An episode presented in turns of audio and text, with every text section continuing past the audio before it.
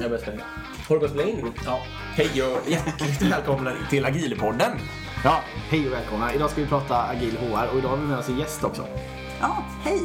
Det är jag som är gästen. Ja, du får Jag heter introducera själv. Ja, jag heter Pia-Mia och jag är konsult inom agil HR, agilt ledarskap, motivation och medarbetarengagemang. Och eh, har ett företag som heter Green Bullet Solutions som är mitt konsultföretag som jag äger. Och sen så har jag grundat en ekonomisk förening som heter Agile People. Det Just är ett nätverk och en meetupgrupp. Och vi har också en eh, konferens som heter Agile People Sweden som vi kör en gång om året.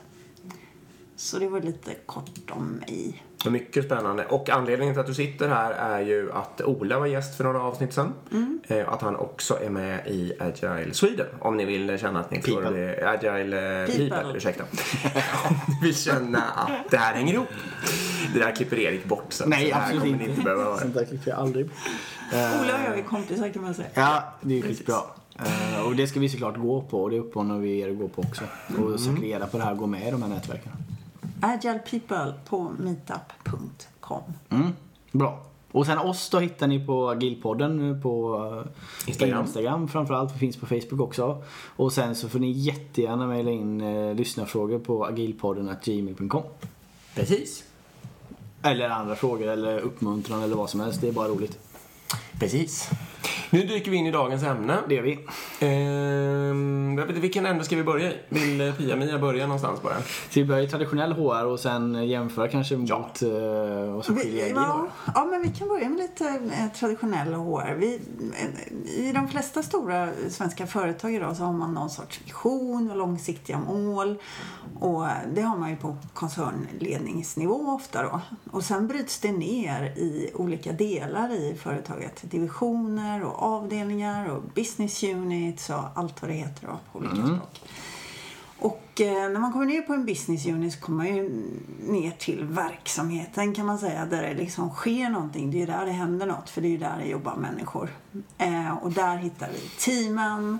Och det är teamen som vi exekverar strategin. om Det är lite där värdet, eh, Det är skapas, lite där vi ja. faktiskt gör något va. Det händer inte så mycket på vägen ner i alla dessa chefslager. Om vi ska raljera lite grann. Nej, men det- Men det är väl ganska Vi ska dra det lite långt här. Och sen så sätter man då mål på alla olika nivåer i de flesta stora företag också. Man sätter individuella mål och man sätter avdelningsmål och man sätter teammål, organisationsmål och strategiska mål och eh, alla möjliga typer av olika mål. Och de bryts ner och följs upp i organisationen. Det här kallar vi då för performance management som ju har blivit ett väldigt utskällt ämne de senaste eh, tiden kan man säga. Varför har det blivit det då? Ja, men det är lite fult det här med performance management. Att eh, ge betyg på människor för hur bra de sköter sig, hur bra de når sina mål och sådär. Sen så är det ju kontraproduktivt också. Eh, vi uppnår faktiskt inte en ökad eh, prestation med performance management fast det ju är själva syftet med performance management utan det är precis tvärtom. Och vad är det som eh, händer då? Ja, vad är det som händer med människor när man sätter fasta performancemål och blir liksom eh, mätt på, eh, på dem och sen får en bonus kopplad Ja. till dem. Vad gör man då? Man springer mot belöningen, man springer mot bonusen. Ja. Och det föder då massor av dåliga beteenden i Man slutar tänka själv. Man slutar tänka själv, man fokuserar på belöningen, man fokuserar på sig Mm. Man själv och sitt eget bästa. Man suboptimerar absolut.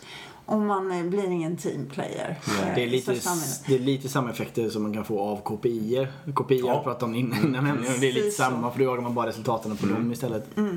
Det beror väl, där beror det mycket på hur man, vad man använder dem till. Men det är ju faran med kopior det i alla fall. Definitivt. Just det här med att vi sätter betyg på andra människor, det ska vi egentligen inte göra alltså. Vi ska bara sätta betyg på oss själva och förbättra oss själva. Bara tävla mot, mot oss själva i organisationen. Om alla istället tävlar mot sig själva och förbättrar sig själva kontinuerligt, bit för bit, så får vi mycket bättre resultat.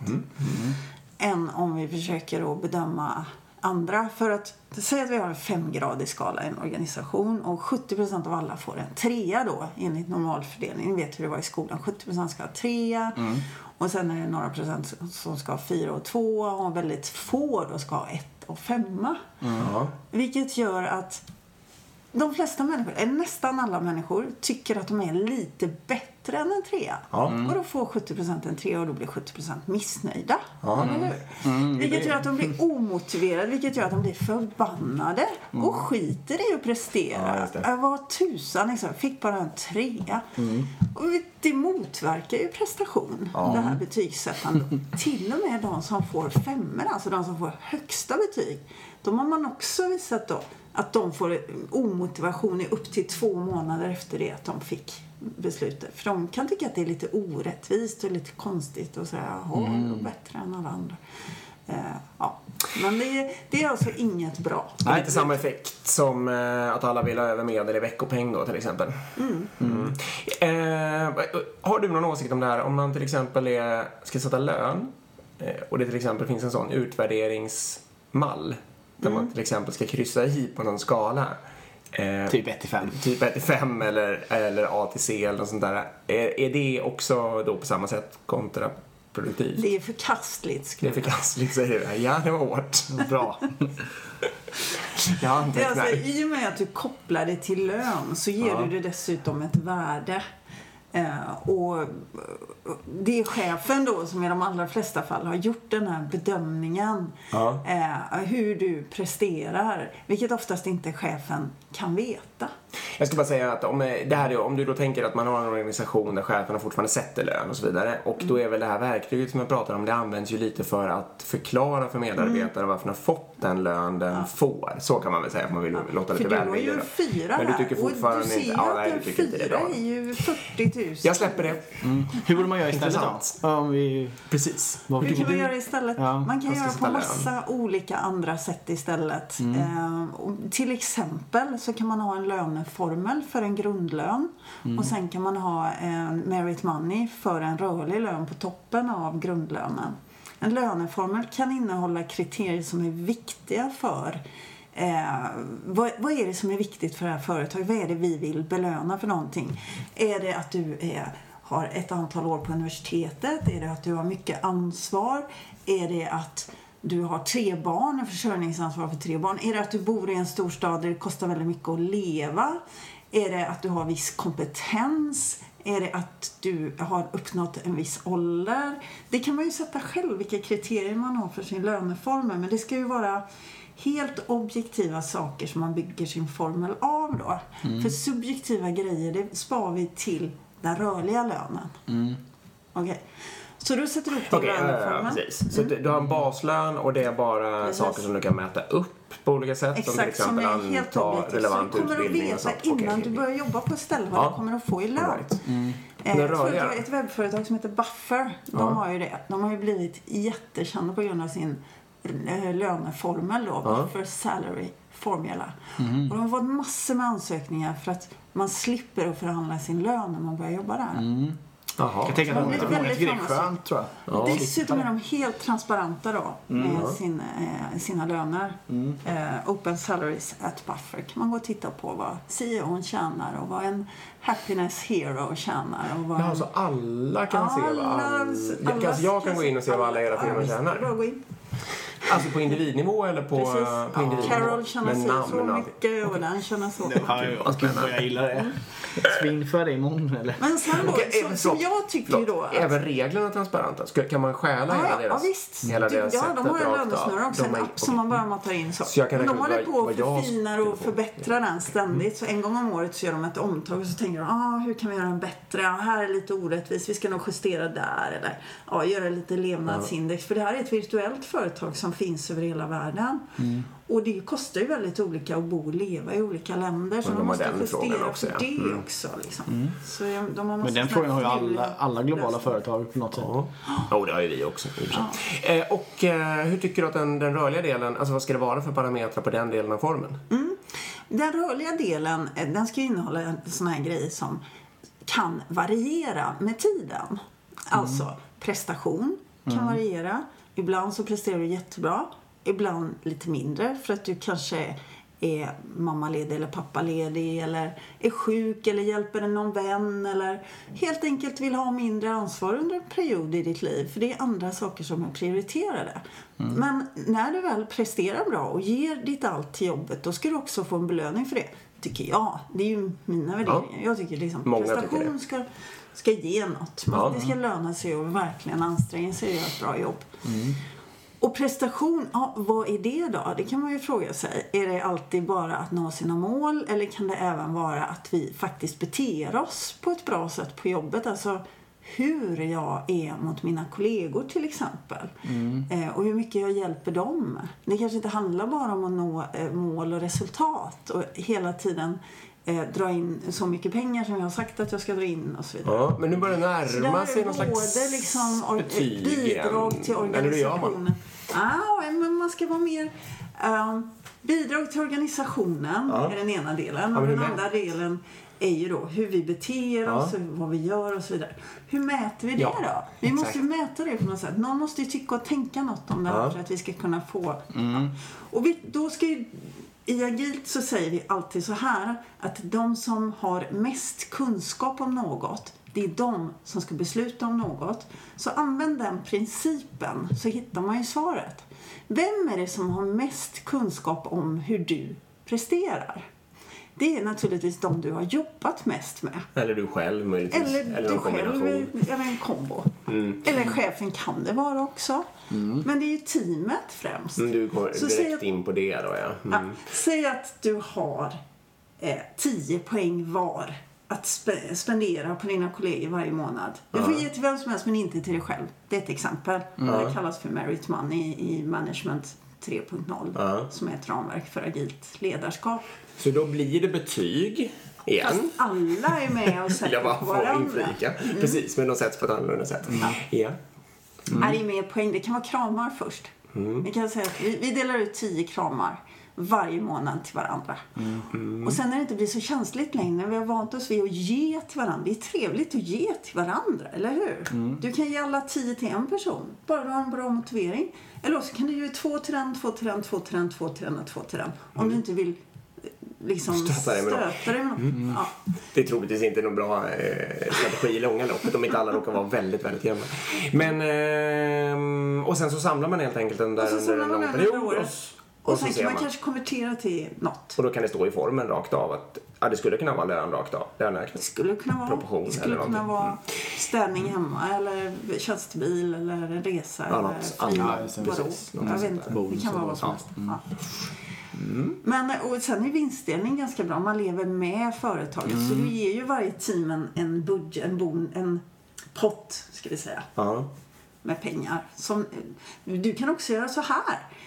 Teamet får en pott pengar baserat på hur hela företaget har gått och hur teamet har presterat tillsammans. Ja. Och sen får teamet själv bestämma vad de ska göra med pengarna. Det behöver ju inte någon annan liksom lägga sig i egentligen. De kanske vill dela ut det så som jag just sa. Eller också vill de kanske resa på, på en konferens eller utveckla sig eller gå en kurs eller bara köpa hamburgare för pengar. Vad vet jag? Det där funkar ju bättre om man är nära eh, intäkterna. Om man är stödjande IT på ett stort verkstadsföretag så blir det där genast lite lurigare kan jag ju räkna ut. Ja. Men jag, jag säger inte att det är omöjligt, men alltså, om det är väldigt nära, alltså, om, om man utvecklar själva den säljbara grejen som intäkterna kommer ifrån så kan det, kan det vara mycket, mycket lättare förstås. Principen är bra. Verkligen. Gud, det var intressant. Verkligen. Ska vi fortsätta att vandra i den här Ja, världen av traditionell HR? Det var ju är den performance, management. Vi har pratat lite lön och belöning. Ja, det har vi gjort. Det har vi gjort också. Ehm, och när man jobbar med lön och belöning, eh, alltså när, det här med löneutbetalningar och sånt, det är ju faktiskt en HR-syssla också. Hur ska vi göra med löneutbetalningar och förmåner och sånt där? Det är ganska trist egentligen. Vi brukar kalla det för transaktionell HR. Det är sånt här som bara måste göras. Och om det inte görs eh, enligt konstens alla regler så blir man missnöjd. Men det är väldigt svårt att motivera med en löneprocess. Eh, Det är liksom inget som, som får människor att prestera bättre. Nej. Däremot presterar du väldigt mycket sämre om du inte får din lön Ja. den 25 varje månad. Förstås. Eller det är fel på din lönespes. Du blir liksom förbannad. Men det är ju att jämföra med alltså, om det inte finns toaletter på jobbet eller om det inte går att laga någon mat. Alltså, det finns alla möjliga sådana saker som man förväntar sig ska fungera. Men där är ju lean väldigt bra. Om, säg att du ska ha löneutbetalningsprocess då. Den ska bara gå till på samma sätt varje månad. Den ska alltid funka och vem som helst ska kunna genomföra den. Och vi får hela tiden jobba på att göra den lite bättre. Där kan man jobba med lean och de principerna då. Samma som med rekrytering kan man också jobba mycket med med lean. För det är också en typen, där vi ska gå igenom de här intervjuerna, de här stegen och så vidare.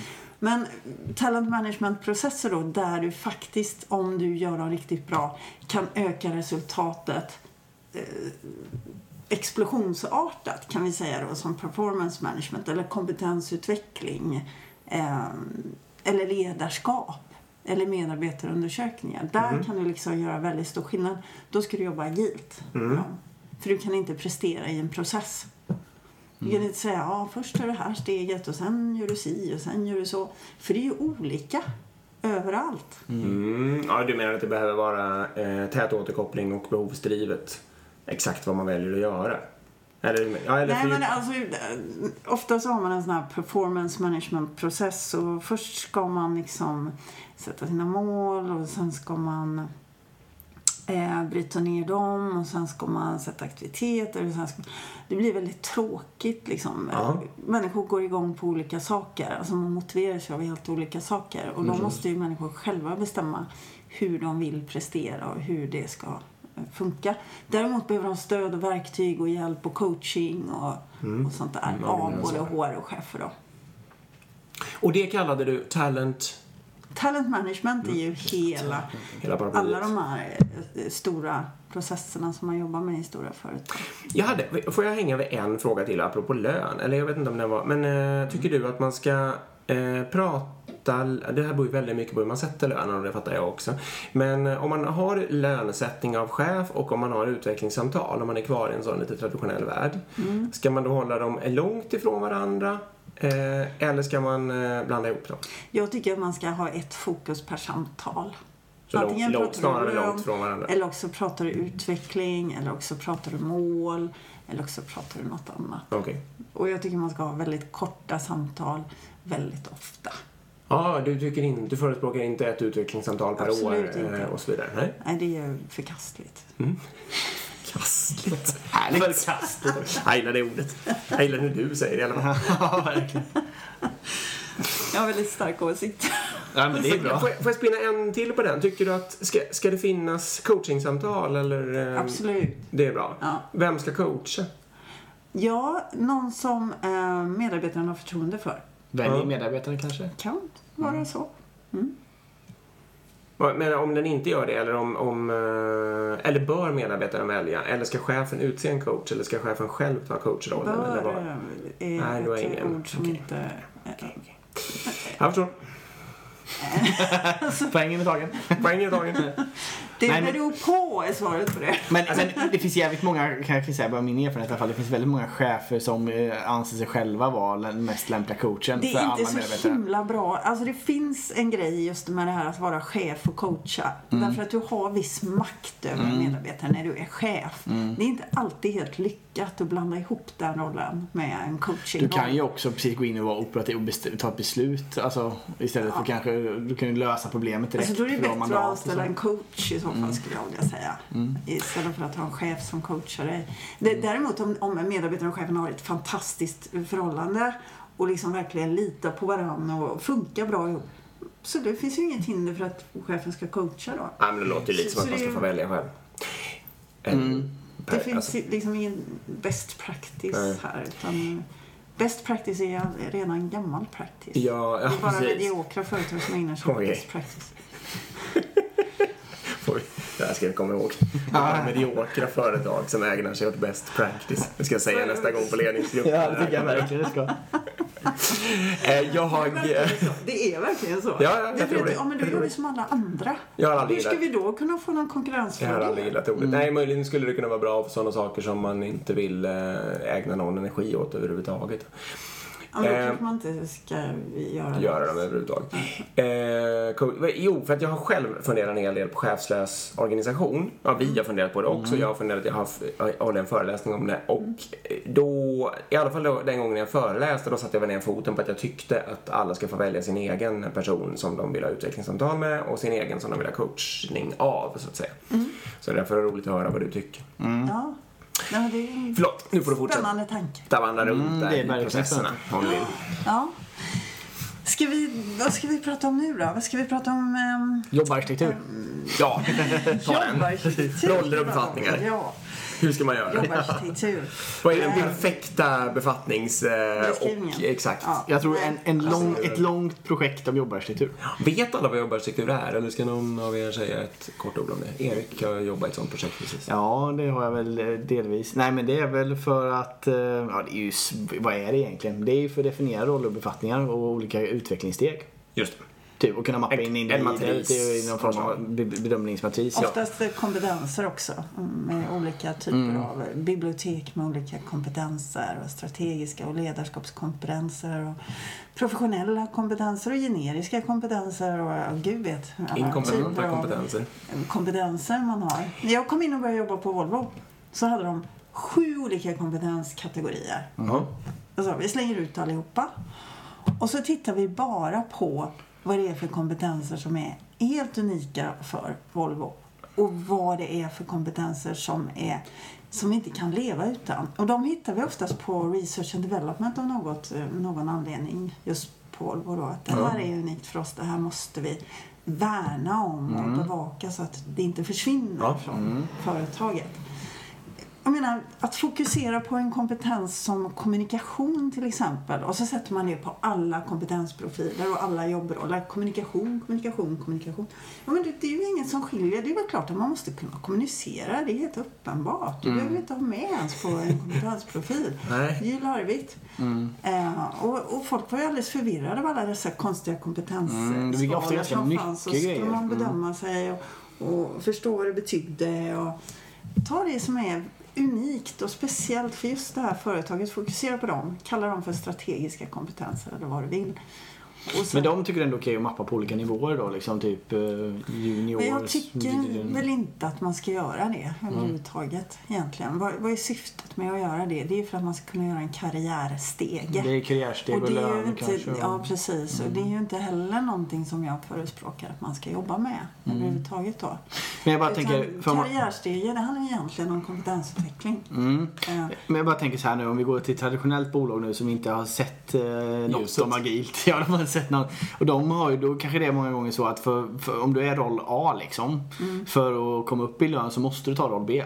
Alltså du, det finns ett tak liksom Ja. på, på roll A. Roll- men med det är olika fiender. systemet är har ju pratat om Ja, men, men, men det är liksom supertraditionellt. En jobbarkitektur kan ju i alla fall hjälpa till att roll A inte behöver byta till roll B för att få upp sin lön. Utan även som roll A så kan man komma högre upp. Så att säga. Det finns mer Den avancerade... förändringen har vi faktiskt lyckats med i vår organisation tycker jag. Vi har Ja. fått upp lönerna för utvecklare. Som historiskt då var tvungna att bli Ja. arkitekter eller något Exakt. annat liksom chef eller för liksom Men nu- Ja, men det är ju ett faktiskt steg framåt. Ja, det är ett steg framåt. säga. Verkligen. Så, så jobbarkitektur kan kanske hjälpa till med det. Det här är väl nästa steg efter det. Ja, fast det Jag har mer... jobbat i, i många såna här jobbarkitekturprojekt och vi har aldrig ehm, kommit till slutet av de projekten. För Aha, okej. när, när man eh, trodde man var vid slutet så fick man börja om från början igen för då hade världen förändrat sig. Så det är ingenting som någonsin tar slut om man börjar jobba med det. Och det ger väldigt begränsat värde och drar väldigt mycket resurser och pengar. Kommer ordet förkastligt snart här nu? Eh, det är förkastligt. Definitivt det är förkastligt. Igen. Vi kan ha det som ett genomgående tema Vi kanske ska döpa om den här podden till förkastligt istället Nu, nu har jag några, för, det här, jag tycker det är en jätteviktig fråga och vi, alltså personligen och även på ett teoretiskt plan. Och det jag undrar är så här då, eh, om, vi, om jag ska rekrytera människor så kan jag ju hitta, jag kan tänka ut vad de behöver göra här i första steget. Jag kanske inser att jag behöver en Scrum Master eller en agil coach eller en backend-utvecklare i Java. Eh, och då skriver jag kanske det i annonsen. Vad tycker du, sen vill ju den här personen ha ett anställningskontrakt. Vad tycker du att det ska stå på det? Har du någon uppfattning om det? Vad det ska stå på det? Ja. Ska det bara stå du är anställd på Kanske ska stå företag A? Eller ska det stå du är anställd som eh, backend-utvecklare i Java? Eller ska det, ska det liksom stå Jag, jag först... IT-person? Ja, precis. För att du vill ju helst inte stoppa in människor i ett fack det Nej. första du gör. Liksom. Utan man vill Nej, ha treformade människor som Ja. har liksom bred generell kompetens och några, en eller flera spetsar. Ja. T-shaped people, det är ju bra. För då får man en flexibilitet i organisationen som Ja. gör att du kan eh, kompetensutveckla andra och du kan försvinna utan att det gör något. Och Du kan komma tillbaka och ta en roll igen. Och vi blir inte så himla beroende av olika jobbroller och sådär. Så att vi, ja. Det, Ja, du fullständigt med dig.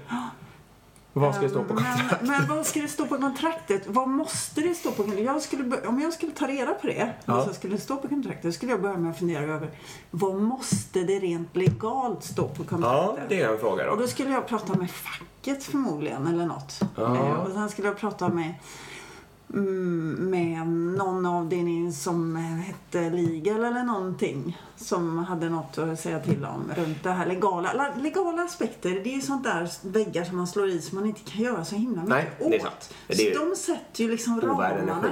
Sen kan man väl skriva lite trevligt liksom vad man vill, eh, tycker ska stå där. I övrigt, om du liksom har ramarna klara, det här måste stå, okej. Eh, Sen vad tjänar det för syfte? Det tjänar syftet att det ger en trygghet kanske till medarbetaren. Att kan nu, göra. Nu har jag en anställning. Det ska väl stå kanske hur lång uppsägningstid man har. Ja, ja, ja. Men just precis bara befattningen är egentligen bara det jag är ute efter. Ja, men, För det är nämligen... vidare är du anställd på den här avdelningen. Eller du är medarbetare i företaget X nu. Ja, du tycker det ja. Bara rakt av. Medarbetare. Ja, ja. Befattningen medarbetare eller något sånt där. Ja. Ja, man får väl kolla, kalla det vad man vill. Teammedlem eller någonting. Man- ja, Teammedlemmar precis. har vi funderat på faktiskt.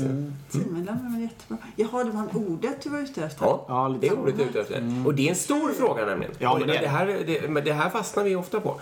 Och, och sen finns det ju den här, alltså varför jag månar så himla mycket om det här, det är för att jag har sett den här fruktansvärda inlåsningseffekten. Det har vi pratat om i andra avsnitt. Men att om någon person eh, uppfattar sig som projektledare och får en stor del av sin identitet som projektledare, eller ja, även för den delen lösningsarkitekt eller mjukvaruarkitekt eller vad som helst, Java så blir ju det ett jätteproblem. Alltså då vill den personen inte, det här gäller inte alla människor, men det gäller vissa människor och de fastnar fullständigt och de vill inte bli t-shape och de vill liksom fortsätta med det där långt efter att det inte behövs några, vad det nu är för någonting Men har du på, Projektledare på kanske. företag som, som inte har eh, roller och sådär och hur de skriver? Nej.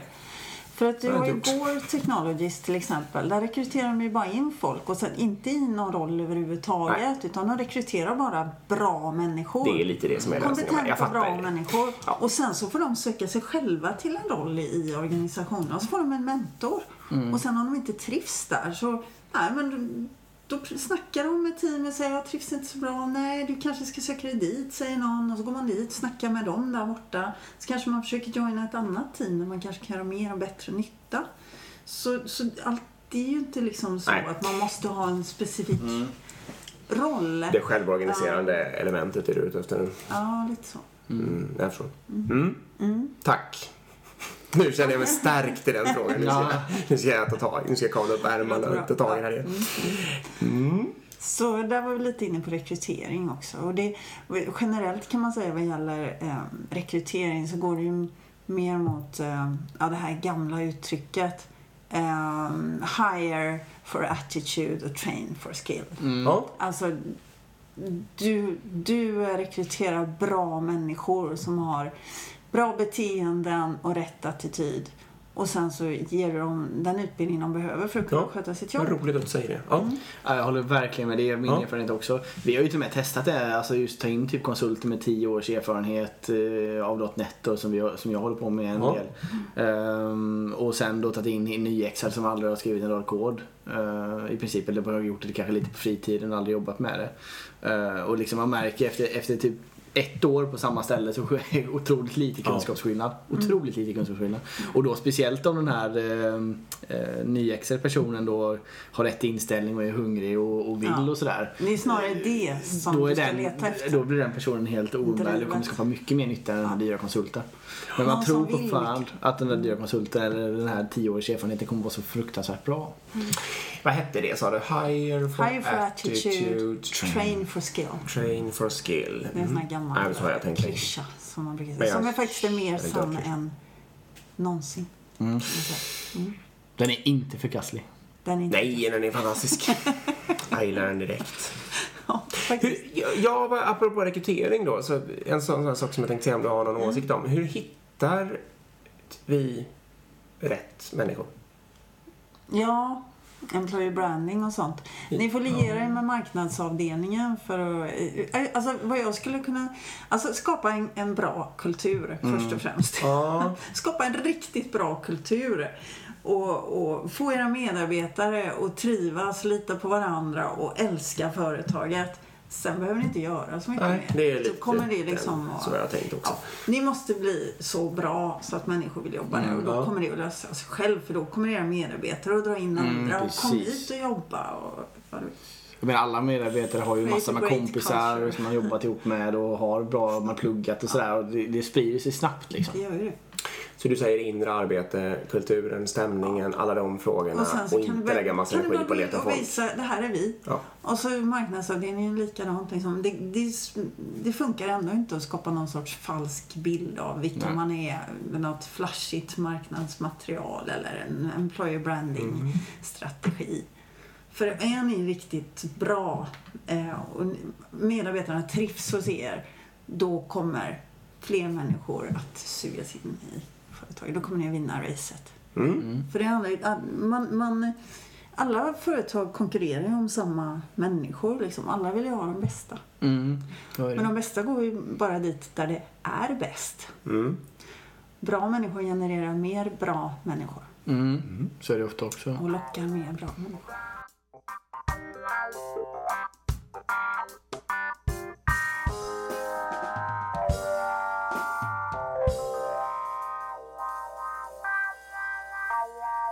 Vad vill ni hugga tag i nu? Nu nästa. kan vi titta på kanske det här med, med lärande och kompetensutveckling då. Hur, Ja. hur man liksom, ja, det går ju väldigt mycket från det här med kanske två, tre, fem dagars kurser till eh, det kontinuerliga lärandet, det agila lärandet. Alltså du lär dig hela tiden, du tar alla tillfällen för kompetensutveckling är så extremt viktigt. Ja. Lunch and learns, eh, Vad heter det? Lunch and learn till exempel. Alltså, du, du tar en lunch, du käkar tillsammans, någon snackar om något projekt de har drivit eller lärdomar de har gjort. Eller du delar ständigt kunskap i teamet med varandra, lärande. Det är det vi liksom föder på i en organisation. Att kontinuerligt lära sig nya saker. Och för att kunna lära sig så måste man göra misstag och för att kunna göra misstag måste du experimentera så därför måste du avsätta arbetstid för experiment och trial and error. Alltid.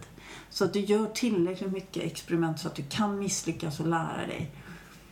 Tycker, där, Och det, det föder också innovation. Och man får aldrig halshugga någon som misslyckas i en organisation. Det är helt förkastligt. Nej men det har vi ju, det, det är många saker som hänger på, alltså safe to fail. Eh, Ja. det är inte bara lärande, men det är må, många, många saker. Ja. Eh, Har du några åsikter där? Så här, man kan tänka sig där, om det till exempel fortfarande finns ett chefsled, Mm. eh, är det då fiffigt att chefsledet går in och organiserar sådana där lärandeaktiviteter eller är det en fördel att släppa Jag det tycker fritt? att teamet ska ansvara för sina lärande. Så att om det ska ordnas en, en eh, em, lunch, en lärarlunch så är det, då är det bara om teamet själva kommer på det som det ska hända så att säga i din... Ja, man kan ju ge förslag Ja, och sånt. Jag men- menar, alltså det handlar ju om, eh, det är ju också det här med högpresterande team och lågpresterande team och var är man i mognadsgraden i teamet och Mm, sådär. där kom den. Där Härligt, härligt. Den brukar vi Ja, vi brukar alltid komma in på det, att det spelar roll hur mogen... Whelan och, eh, och storming och norming och allt det. Ja. Så när man är det ett moget team då behöver du inte så mycket ledarskap och då eh, kan ju ledaren gå in i teamet och bli en teammedlem. Kanske. Man är Precis. ett väldigt omoget team så kanske man är väldigt beroende av ledaren. Och då Precis. behövs det väldigt mycket. Så jag ska inte säga, det, det kommer alltid behövas ledarskap. Men det behöver inte vara formellt ledarskap, menar jag. Det kan vara informellt ledarskap. Jag funderar på det här med, alltså, ska jag införa någon slags knowledge hours i min organisation? Mm. Och Ska det i så fall vara så här äh, två timmar i veckan? Eller ska det liksom vara större chunks? Eller ska det vara fritt? Och nu ska jag säga klart om min tanke, eller min oro är ju att om jag till exempel sa att jag vill att ni lägger två timmar av eran tid i veckan, eller alltså Det vad blir det i procent? Liksom 5 procent av eran tid. Då kommer det ju bara aldrig att hända för att eh, då kommer sugas upp av leveranser. Och därför skulle jag då kunna tänka mig att det är bättre att säga att fredagar eh, efter klockan ett så ägnar vi oss åt lärande bara. Det är förbjudet att jobba så att säga mer eller mindre. Ja. Eh, Har du, några, har du funderat på det? ja, det skulle ju kunna vara ett sätt om det funkar för er. Och du det säger prova. Sättet, ja. Typ. Och en annan som jag faktiskt har gjort i en förra organisation, eller förra, förra som jag ledde, det var att vi hade Creative Fridays, alltså inte varje fredag men eh, några per termin eller något sånt där. Och då var det ju liksom, dels var det ju fullständigt dedikerad tid och dels var det ju då lite kontexten också att alla åkte iväg till en annan plats och gjorde det tillsammans och liksom det fick Jag- jag folk tror- ur sina banor på något sätt. ja, jag tror man ska lämna... Man ska avsätta tid Ja, och sen ska man... Jag tror att ju mer man kan delegera vad man ska göra med den där tiden som man inte får jobba med leveranser då. Ja. Det, det kanske är, enda kravet kanske är att du inte ska jobba med leveranser. Det är kanske så långt du ska sträcka dig. Vi ska vara på jobbet, vi får inte jobba med leveranser. Och så möts man på morgonen och så gör man en, Mm. Ja, men liksom en session där man bestämmer vad man ska göra. Eller också gör man det några veckor innan om det är sånt som man ska resa iväg. Eller, ja. Den gången faktiskt på Creative Fridays, då hade jag inte ens... Då sa jag nog ni får göra vad ni vill faktiskt. Eh, Då hade man fått göra leveranser om man hade velat. Man fick Men det det var ingen som gjorde det. Nej, det är ju bra. Positivt. Ja, det är bra. Det, det var väl någon som gjorde liksom förbättringar av process och sånt där. Det förekom ju absolut. Men, men det var nog inte någon som gjorde, alltså, som satt och gjorde sitt vanliga ja, jobb. Gjorde en bugfix. Sen var det ju människor då som, det var ganska roligt där, för då var det människor som oroade sig för att, ja men tänk om alla lägger sig på gräsmattan och, och latar Ja, sig. låt dem Jag fick en det. massa sådana frågor då. Och ja, precis så sa jag då. Ja, ja visst, gör det då. Det, alltså, det skulle ju kunna påverka om, hur man gör framåt eller något sånt där. Men, jag, jag hade verkligen, jag hade bestämt mig själv fullständigt för att vad som än händer den där stackars dagen på den där kursgården så skulle jag verkligen bara le och göra det jag själv ville och inte lägga mig i vad någon annan gjorde överhuvudtaget. Lita och, på men, och det funkade hur bra som helst. Folk var ju, var ju jätteduktiga. Det är det det handlar Eller om. liksom, de lärde sig verkligen saker. Mm. Bra. Det är ju det med eh, ja, utvecklingsplaner och sånt där. Ja. Ja, vad tycker du om det då? Utvecklingsplaner? Ska man ha det? Mm. En Göra gång sin egen? en timme. Nej. Göra grannens? Ska Ja. teamet göra allas? Ja, Gapanalyser? Det, det, det där med att stänga gap då. Det går ju emot min tro på att man ska inte fokusera på det man är dålig på utan man ska fokusera på det man är bra på. Det tror jag. Och har man en massa gap i sin kompetensprofil då är man förmodligen på fel ställe. Alltså man har fel roll eller gör fel saker. För jag gör uppenbarligen sånt som jag inte är speciellt duktig på. Om det nu inte handlar om en person som är helt ny i en roll som behöver växa i sin kostym som det så fint heter. De behöver alltså lära sig en massa nya saker. Sen kan man egentligen göra den här utvärderingen och Ja. se, okej, har, har du en massa gap, då är det förmodligen antingen för att du inte gillar ditt jobb, det du gör, eller för att du suger på det du gör. Ja. Eller hur? Det är ju så. Vi kanske borde klippa här lite. Nej, nej, det är okej. du suger på det du gör. Kommer HR. Och då ska du ju uppenbarligen inte göra det. Då ska du göra något annat. Då får man se om man kan hitta en annan plats i organisationen till den personen. Eller det kan ju vara att de vantrivs också.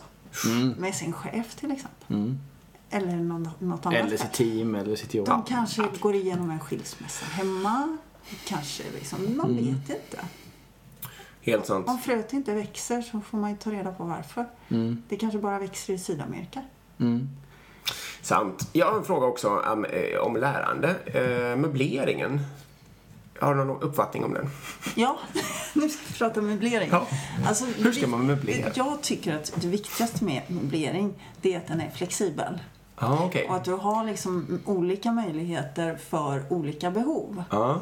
Det kan vara små tysta rum där man kan sitta och ringa eller Ja, ja. för en person eller för två personer eller för fem personer så att man Mm. kan ha lite teammöte och ditt och datt.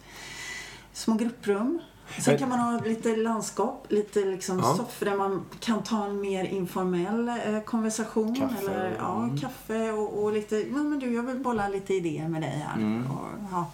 Så det viktiga, tror jag, det är just att det finns olika möjligheter för olika behov Mm. Okej, det- som man just då har. För alla människor är olika också. Vissa vill absolut inte sitta hemma. Andra älskar att sitta hemma. Mm, mm. Och då får man ha virtuella möjligheter för de som gillar att ibland också kunna bara gå omkring i i tofflor och djupa byxor och Mm, mm. slänga in en tvätt mellan eh, leveranserna. Och det kan ju vara så att, att vi vill anställa digitala nomader eller något sånt där också. Då måste vi förstås ha möjligheter för det. Eh, det jag, själv, jag triggade när du sa ordet flexibel. För, f- men sen eh, när du säger det här olika behov, alltså vad heter det, olika möjligheter för olika behov.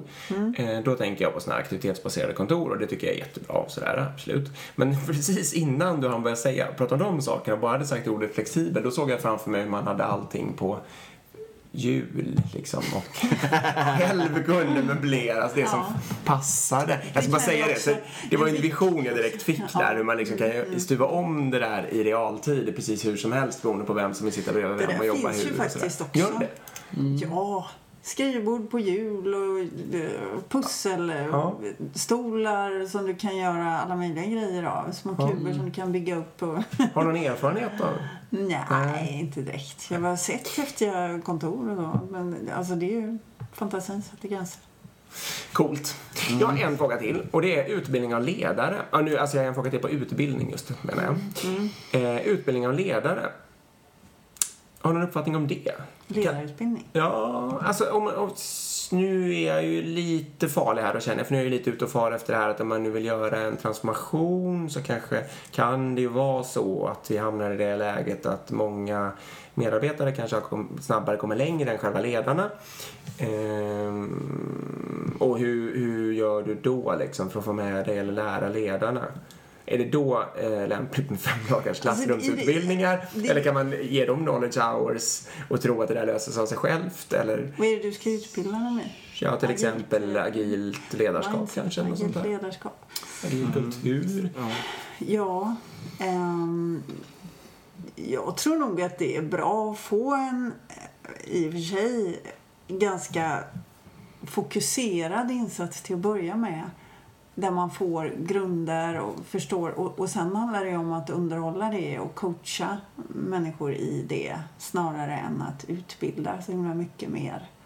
Man får en grund och en teoretisk bas. Ja. Och prova på, göra praktiska övningar och få det i kroppen.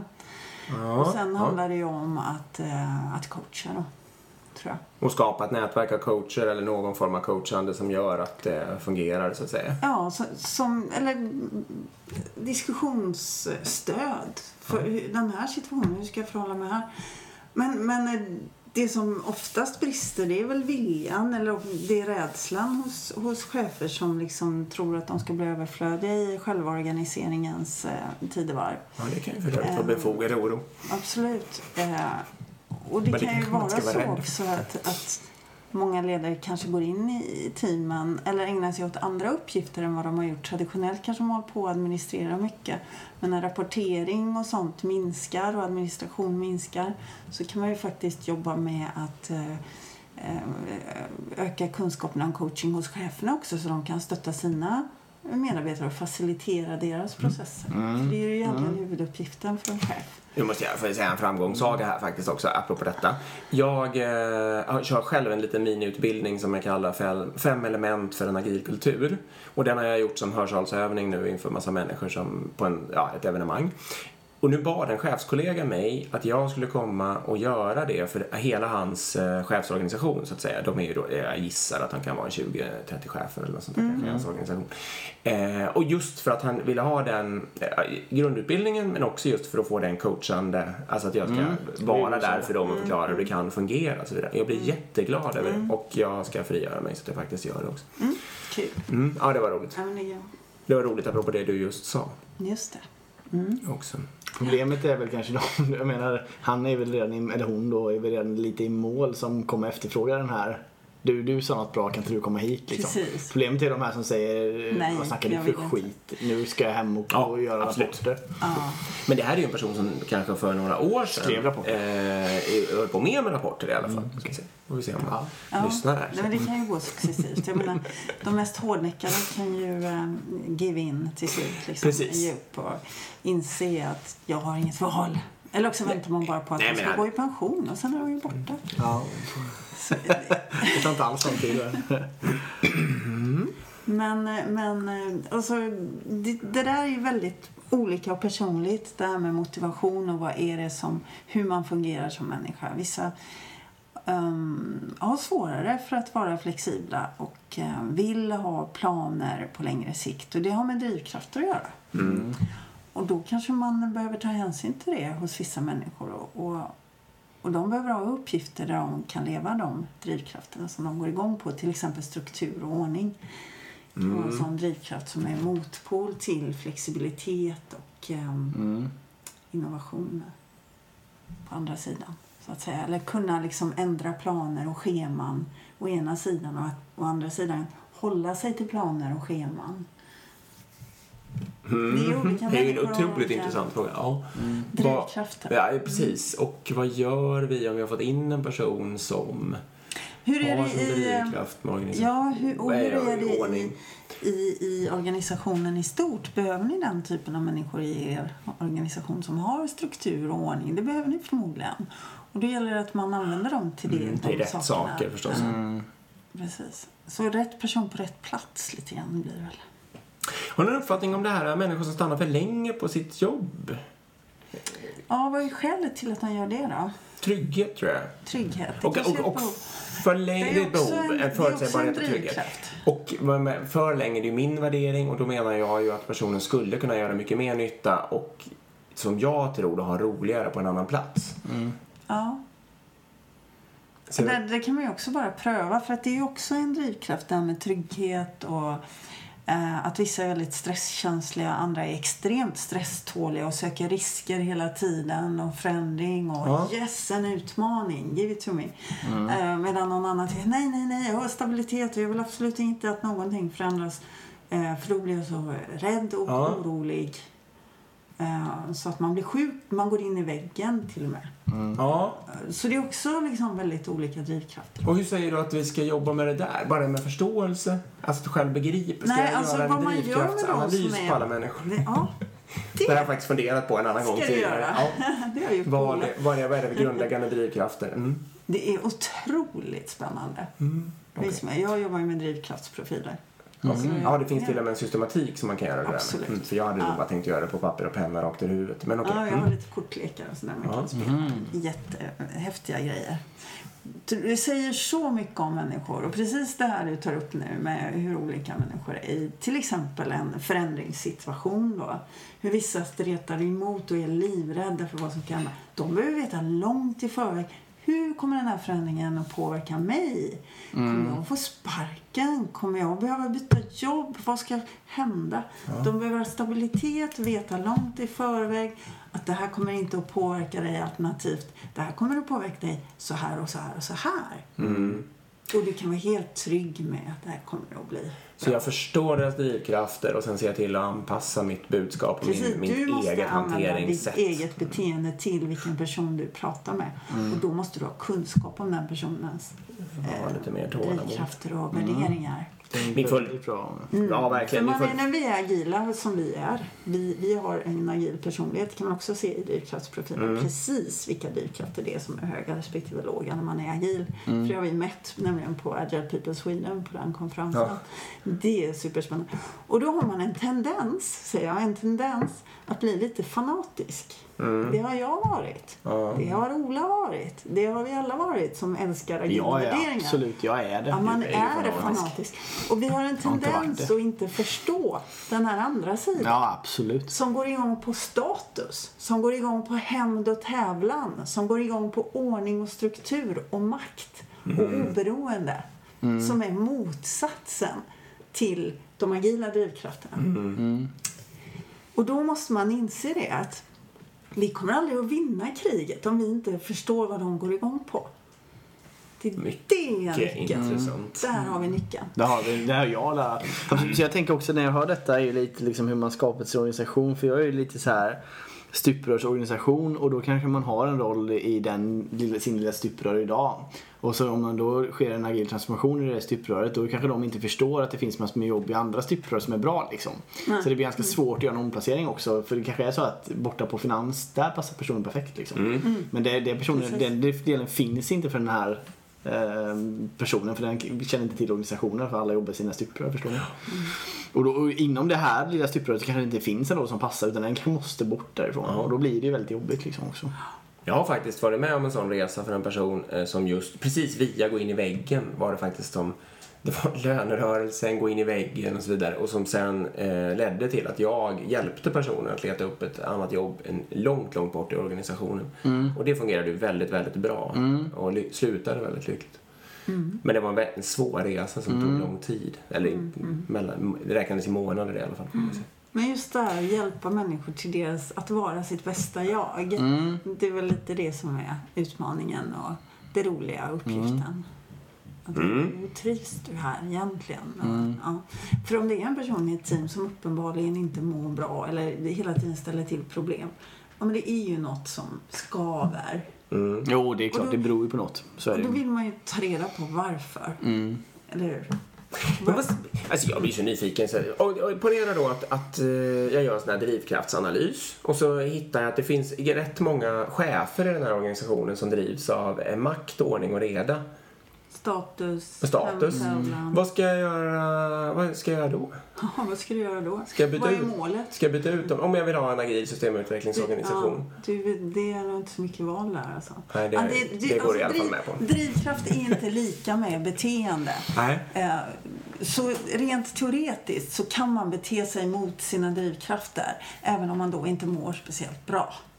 Så de kommer alltså att, av något skäl, kanske för att de är rädda för att förlora jobbet, att bete sig mot sina egna drivkrafter. De kommer inte att må speciellt bra och det kommer inte att bli bra eh, jobb Nej. utav det så att säga i organisationen eller bra effekter av det i organisationen. Ja. Tror jag inte. Men, men det är ju svårt, alltså det är bättre att rekrytera agila människor från början. Mm. Men, att göra sig av med de som är oagila. är ponera att jobbiga i, i, en, startup, i en liksom. transformation, ja, precis, i en transformation om man tar ett större bolag som ska göra en resa så är det ofta så att många chefer och speciellt kanske andra linjen eller tredje linjen då om man har en chefshierarki Ja, också. De, de har ju ofta suttit 5-10 år plus i organisationen redan. Ja. Det är ju väldigt, väldigt svårt eh, om de har de här oagila drivkrafterna. Att, och det är därför som det är snudd på omöjligt att transformera en gammal organisation där man inte medvetet har rekryterat agila människor från början. Men du säger ändå det. Alltså, Ja. Snudd på omöjligt Ja, att just, det. alltså, jag, känner du till någon som har lyckats Nej. fullt ut? Känner du till någon som har lyckats transformera en gammal organisation fullt ut? Det är som, känner du Oh, till, obehaglig fråga. känner du till Nej, något PPS-projekt som har gått i mål? oh, men det finns. Känner du till någon jobbarsektor som har lyckats? Nej, precis. Det är så här. Nej. Nej. Jag vet jättemånga som försöker. Ikea försöker. De är i och för sig ganska duktiga, men de har, viss- de har hjälp av sin kultur. Kulturen. Där har du också en annan nyckel. Och den består ju av alla människors drivkrafter och värderingar. Mm. Ja, men de har en stark för, företagskultur från början. Helt Ikea har det känner de säkert väldigt. Vattenfall försöker. Ja, hyfsat bra i den delen som jag har jobbat med. Det är ju... Det är, det det är svårt. Så vi Ja. sammanfattar det. Det är uppfattat. Men vad ska man göra då? Säg nu att jag sitter som VD på sånt här bolag eh, och så tänker jag att okej, ja, nu tänker jag chansa här och gå all in liksom. Men titta vad gjorde Handelsbankens VD? Han drev igenom eh, den här förändringen. Det var i och för sig kanske ingen agil förändring men det blev ju ganska bra under många år eh, efter 70-talet där. De var ju väldigt tidiga med att förändra hela organisationen. Ja. Och, och då, vad de gjorde då? Han, han var ju jättehård. Han sa ju bara nu ska vi göra så här. Och så drev han igenom det med bara järnhand. Top-down förändring. Och det lyckades ju. Mm, så det kan gå, säger Så du? det kan väl gå, men då måste man ju ha en extremt bestämd ledningsgrupp och så får man ju inte byta ut den eller sen, för då är det ju kört. Mm, ja, det beror ju på hur man byter ut den i sig. Ja, något liknande så är det väl okej. Man har samma värderingar. Ja, precis. Men man måste vara medveten om det, att det är så viktigt. Jag kan känna att en Mm. sak som borde kunna rädda en eh, organisation... Nej, ja. Mm. För att är, nu, nu kommer tanken här, helt o, ogenomtänkt. Eh, det är ju att om man eh, sitter på väldigt mycket medarbetare som förstår det här och som chef förstår att medarbetarna förstår det, då borde man ju kunna gå underifrån istället. Mm. Det borde egentligen kunna rädda ganska stora och ganska konservativa organisationer. Fast det, är alltid, det är ju de här maktstrukturerna i de här... Ja. Den, hur, hur, hur får du bort tvärtom. Mm. Det, Nej, de måste ju förstå att de ska avveckla sig själva, så är det. Och förstår de inte det så blir ju det ett problem. Då sitter de i vägen. Absolut, nej det fattar jag också. Mm. Är du för chefslös organisation förresten? om det funkar så är jag för det. De flesta organisationer funkar inte det. Nej, det finns Ah, inte. Återigen bra Och- och jag- exempel. Precis. Det, det finns inte många bra exempel där en organisation har gått från att ha mycket chefer till att vara chefslös. Vi har ju Sappos som har- försökt då i USA Mm. eh, införa holocracy. Också ganska tuff eh, transformation. Mm.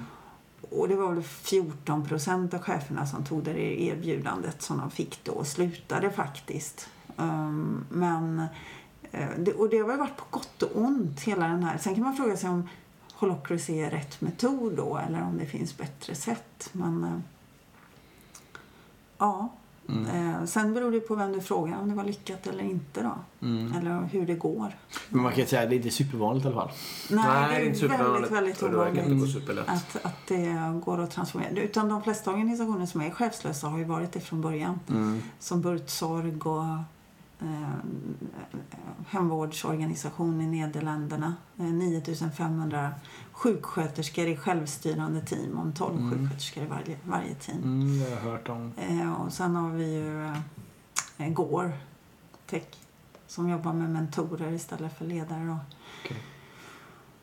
Och eh, ja, Morningstar naturligtvis i USA, i Kalifornien, tomatproducerande företag som har väldigt mycket um, Self Management Academy heter, det, heter deras eh, metod så att säga. Och den har de ju tagit fram själva och som de sprider nu då. Och, och det är ju ren eh, tomatproducerande, produktproducerande industri kan man säga. Där medarbetarna själva då bestämmer allting. Det är ganska intressant. Ja. Finns det, några, finns det några svenska exempel? Du har Björn Lundén, information i Näsviken uppe i Sundsvall. Som har 100 medarbetare. Som är helt självständiga. De, de bestämmer allting genom handuppräckning på såna här Ja. eh, De har ju den lyxen i sig veckopersonalmöten. fortfarande. De är 100 inte stora. Precis. Nej, precis. Han, han trodde ju inte de skulle kunna klara det när de var över 30. Ja. Men de sätter lön på ett jävligt häftigt sätt. Hur gör de? De eh, gör så här att de har en lönepott från eh, Och vem hittar på den? Eh, ja, det, Ja, den har de röstat fram Ja, innan då på precis. något sätt. Ja, hur mycket ska vi ge i lön? Ja, Okej, hur mycket ja. av vinsten ska gå i lön? Ja. Jo, så här mycket. Och så får de ett papper med alla namnen nedskrivna, så här, alla som jobbar där. Och så en liten rad sen efteråt så här. Och så skriver alla vilken summa de tycker att alla ska ha. Det står i 10 hela 000 företaget. siffror där. Ja. Ja. Och sen får de ett genomsnitt av det som alla har tyckt. Och de är extremt nöjda. Så 100 personer sätter 100 eh, löner. Det blir ju 10 000 som sagt var. Och sen så får man alltså snittet av sina 100 Precis och det går jämnt ut då ja. Ja. Blir det inte bara att alla får... Honom skulle ni ha i podden. Ja, jag- Lundén. jag tänkte det. Ja, Han Lundén. Är är han, riktigt rolig. Han har varit på våran meetup. äger han där eller? Vad sa du? Äger han företaget? Ja, ehm, Så det finns en äg... Ja. Ja, men det finns ingen VD? Han är inte VD då eller? nej, nej. Han, På ettan sa du? Björn... Björn Lundén heter han. BL Information heter företaget. BL Information. Det har alltid gått väldigt bra och varit väldigt populärt att jobba på. Sådär. Folk söker sig dit för att det, de har så mycket frihet. Ja, och han tror ju inte på chefer och han tror inte på management eller konsulter eller HR eller något sånt. Mm. Så han är ju fullständigt eh, förkastar ju allt sånt. Och eh, har liksom, ja det är medarbetarna som äger och driver företaget själva på många sätt och vis. Facket älskar ju dem.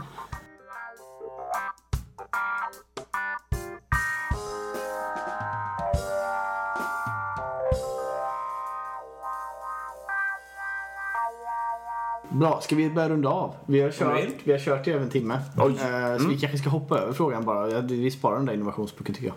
Det kan vi göra. Gör det. Och det var jättekul att sitta och... Ja, vad bra. Är det, någonting du vill, är det någonting du har missat? Är det någonting du vill liksom Men förstärka? Eller vill du prata en timme till? Eller? Oj, oj, oj, oj. kan få komma tillbaka om några avsnitt istället. Ja, det kanske är precis. skönare i så fall. Jag tar en annan fråga nästa gång. Mm. Precis. Nej, men det, blir, det är jättebra. Medarbetarundersökningar kanske vi ska Ja, ja, kör det. helt kort också. Ja, vi gör det. Att Vi avslutar med man kan inte köra hundra frågor en gång om året. Jag har skrivit lite blogginlägg om det också Ja. på LinkedIn. Utan man måste faktiskt eh, mäta mindre, oftare, enklare. Och det kan man göra en gång i veckan med fem frågor eller du kan göra det en gång om dagen. Det finns massa checka appar nu för tiden så man kan fråga en fråga då och då. Eh, Så man kan ställa in, ja men jag vill ha en fråga en gång om dagen eller en gång i veckan eller en gång i månaden eller någonting. Och så samlar man in det här och så låter man teamet själv bestämma. Vad är det för åtgärder nu då som vi behöver göra baserat på det. Fan vad trevligt. Ja, det är ju en tanke. Kan, kan, finns det molntjänst? Kan jag fråga hela min organisation, det är alltså 170 människor då ungefär. Det är ungefär om vi tar de anställda så är det ungefär hälften. Skulle jag kunna fråga dem alltså, så de svarar på en liten appfråga Ja. eh, en gång i Veckan. veckan. En fråga Och jag kan sitta och hitta En på den frågan. veckan. Ja. Mm. Veckans fråga. Veckans fråga, det har vi det. Shit vad bra. Det är skitbra. Och sen efter, efter de svaren då så kan du lägga ner det och så får de själva komma på actions och genomföra. Sen har med, jag ska nämna några checka appar då som man kan Mm. Gör det. Winning Temp, Winning time. Office Vibe Ja. and Frankly. ja. Det är tre checka Ja. appar. Office Vibe, säg dem igen. Office Vibe, Eh, winning Temp Winning Temp, okej. och And Frankly. Det här eh, känner jag på mig kommer komma på Insta. Eh, Eller liknande. Det kan det om absolut ni, om ni inte, för Erik skriver här så pennan glöd. Ta tempen på din, dina medarbetare. Gud vad roligt, det ska jag göra. Ja, det ska nu, jag lovar, nu lovar jag Det det är här, att jag ska testa det åtminstone en gång. Ja, det där ska vi genomföra, det genomför vi på en gång. Det ska jag hem och göra ikväll. Nu är det tävling. Ja, nu är det tävling. Vem, vem får ut först? Bra. Hörni, tack för att ni lyssnar. Ja, tack så Eh, jättemycket. Skicka in fråga, geekpodden.gmail.com. Eh, Följ eh, Pia-Mia på LinkedIn antar jag. Och reda på din blogg och så. Ja, gör det. Ehm, Precis. Hittar man bloggen på LinkedIn? Var det där, är det där du bloggar? Jag, jag skrev lite inlägg på eh, LinkedIn. Ja. Ja, det är jag. Eh, Pia-Maria Thorén heter jag. ja. Och eh, när är eh, Agila... Konferensen. Just det. ja. Konferensen är den 23 och 24 oktober i år. Ja. Vi kommer snart ut med vår webbsida agilepeoplesweden.com och då kan man anmäla sig där och lyssna på en massa häftiga internationella talare som kommer att prata om eh, business agility är temat faktiskt för i år. Spännande. Då kommer vi på den. Det kan vi nästan garantera. 23 Vi är till 24. inbjudna, absolut. Ni är välkomna. Härligt. Bra. Tack så mycket för idag. Tack så jättemycket. Ha det bra.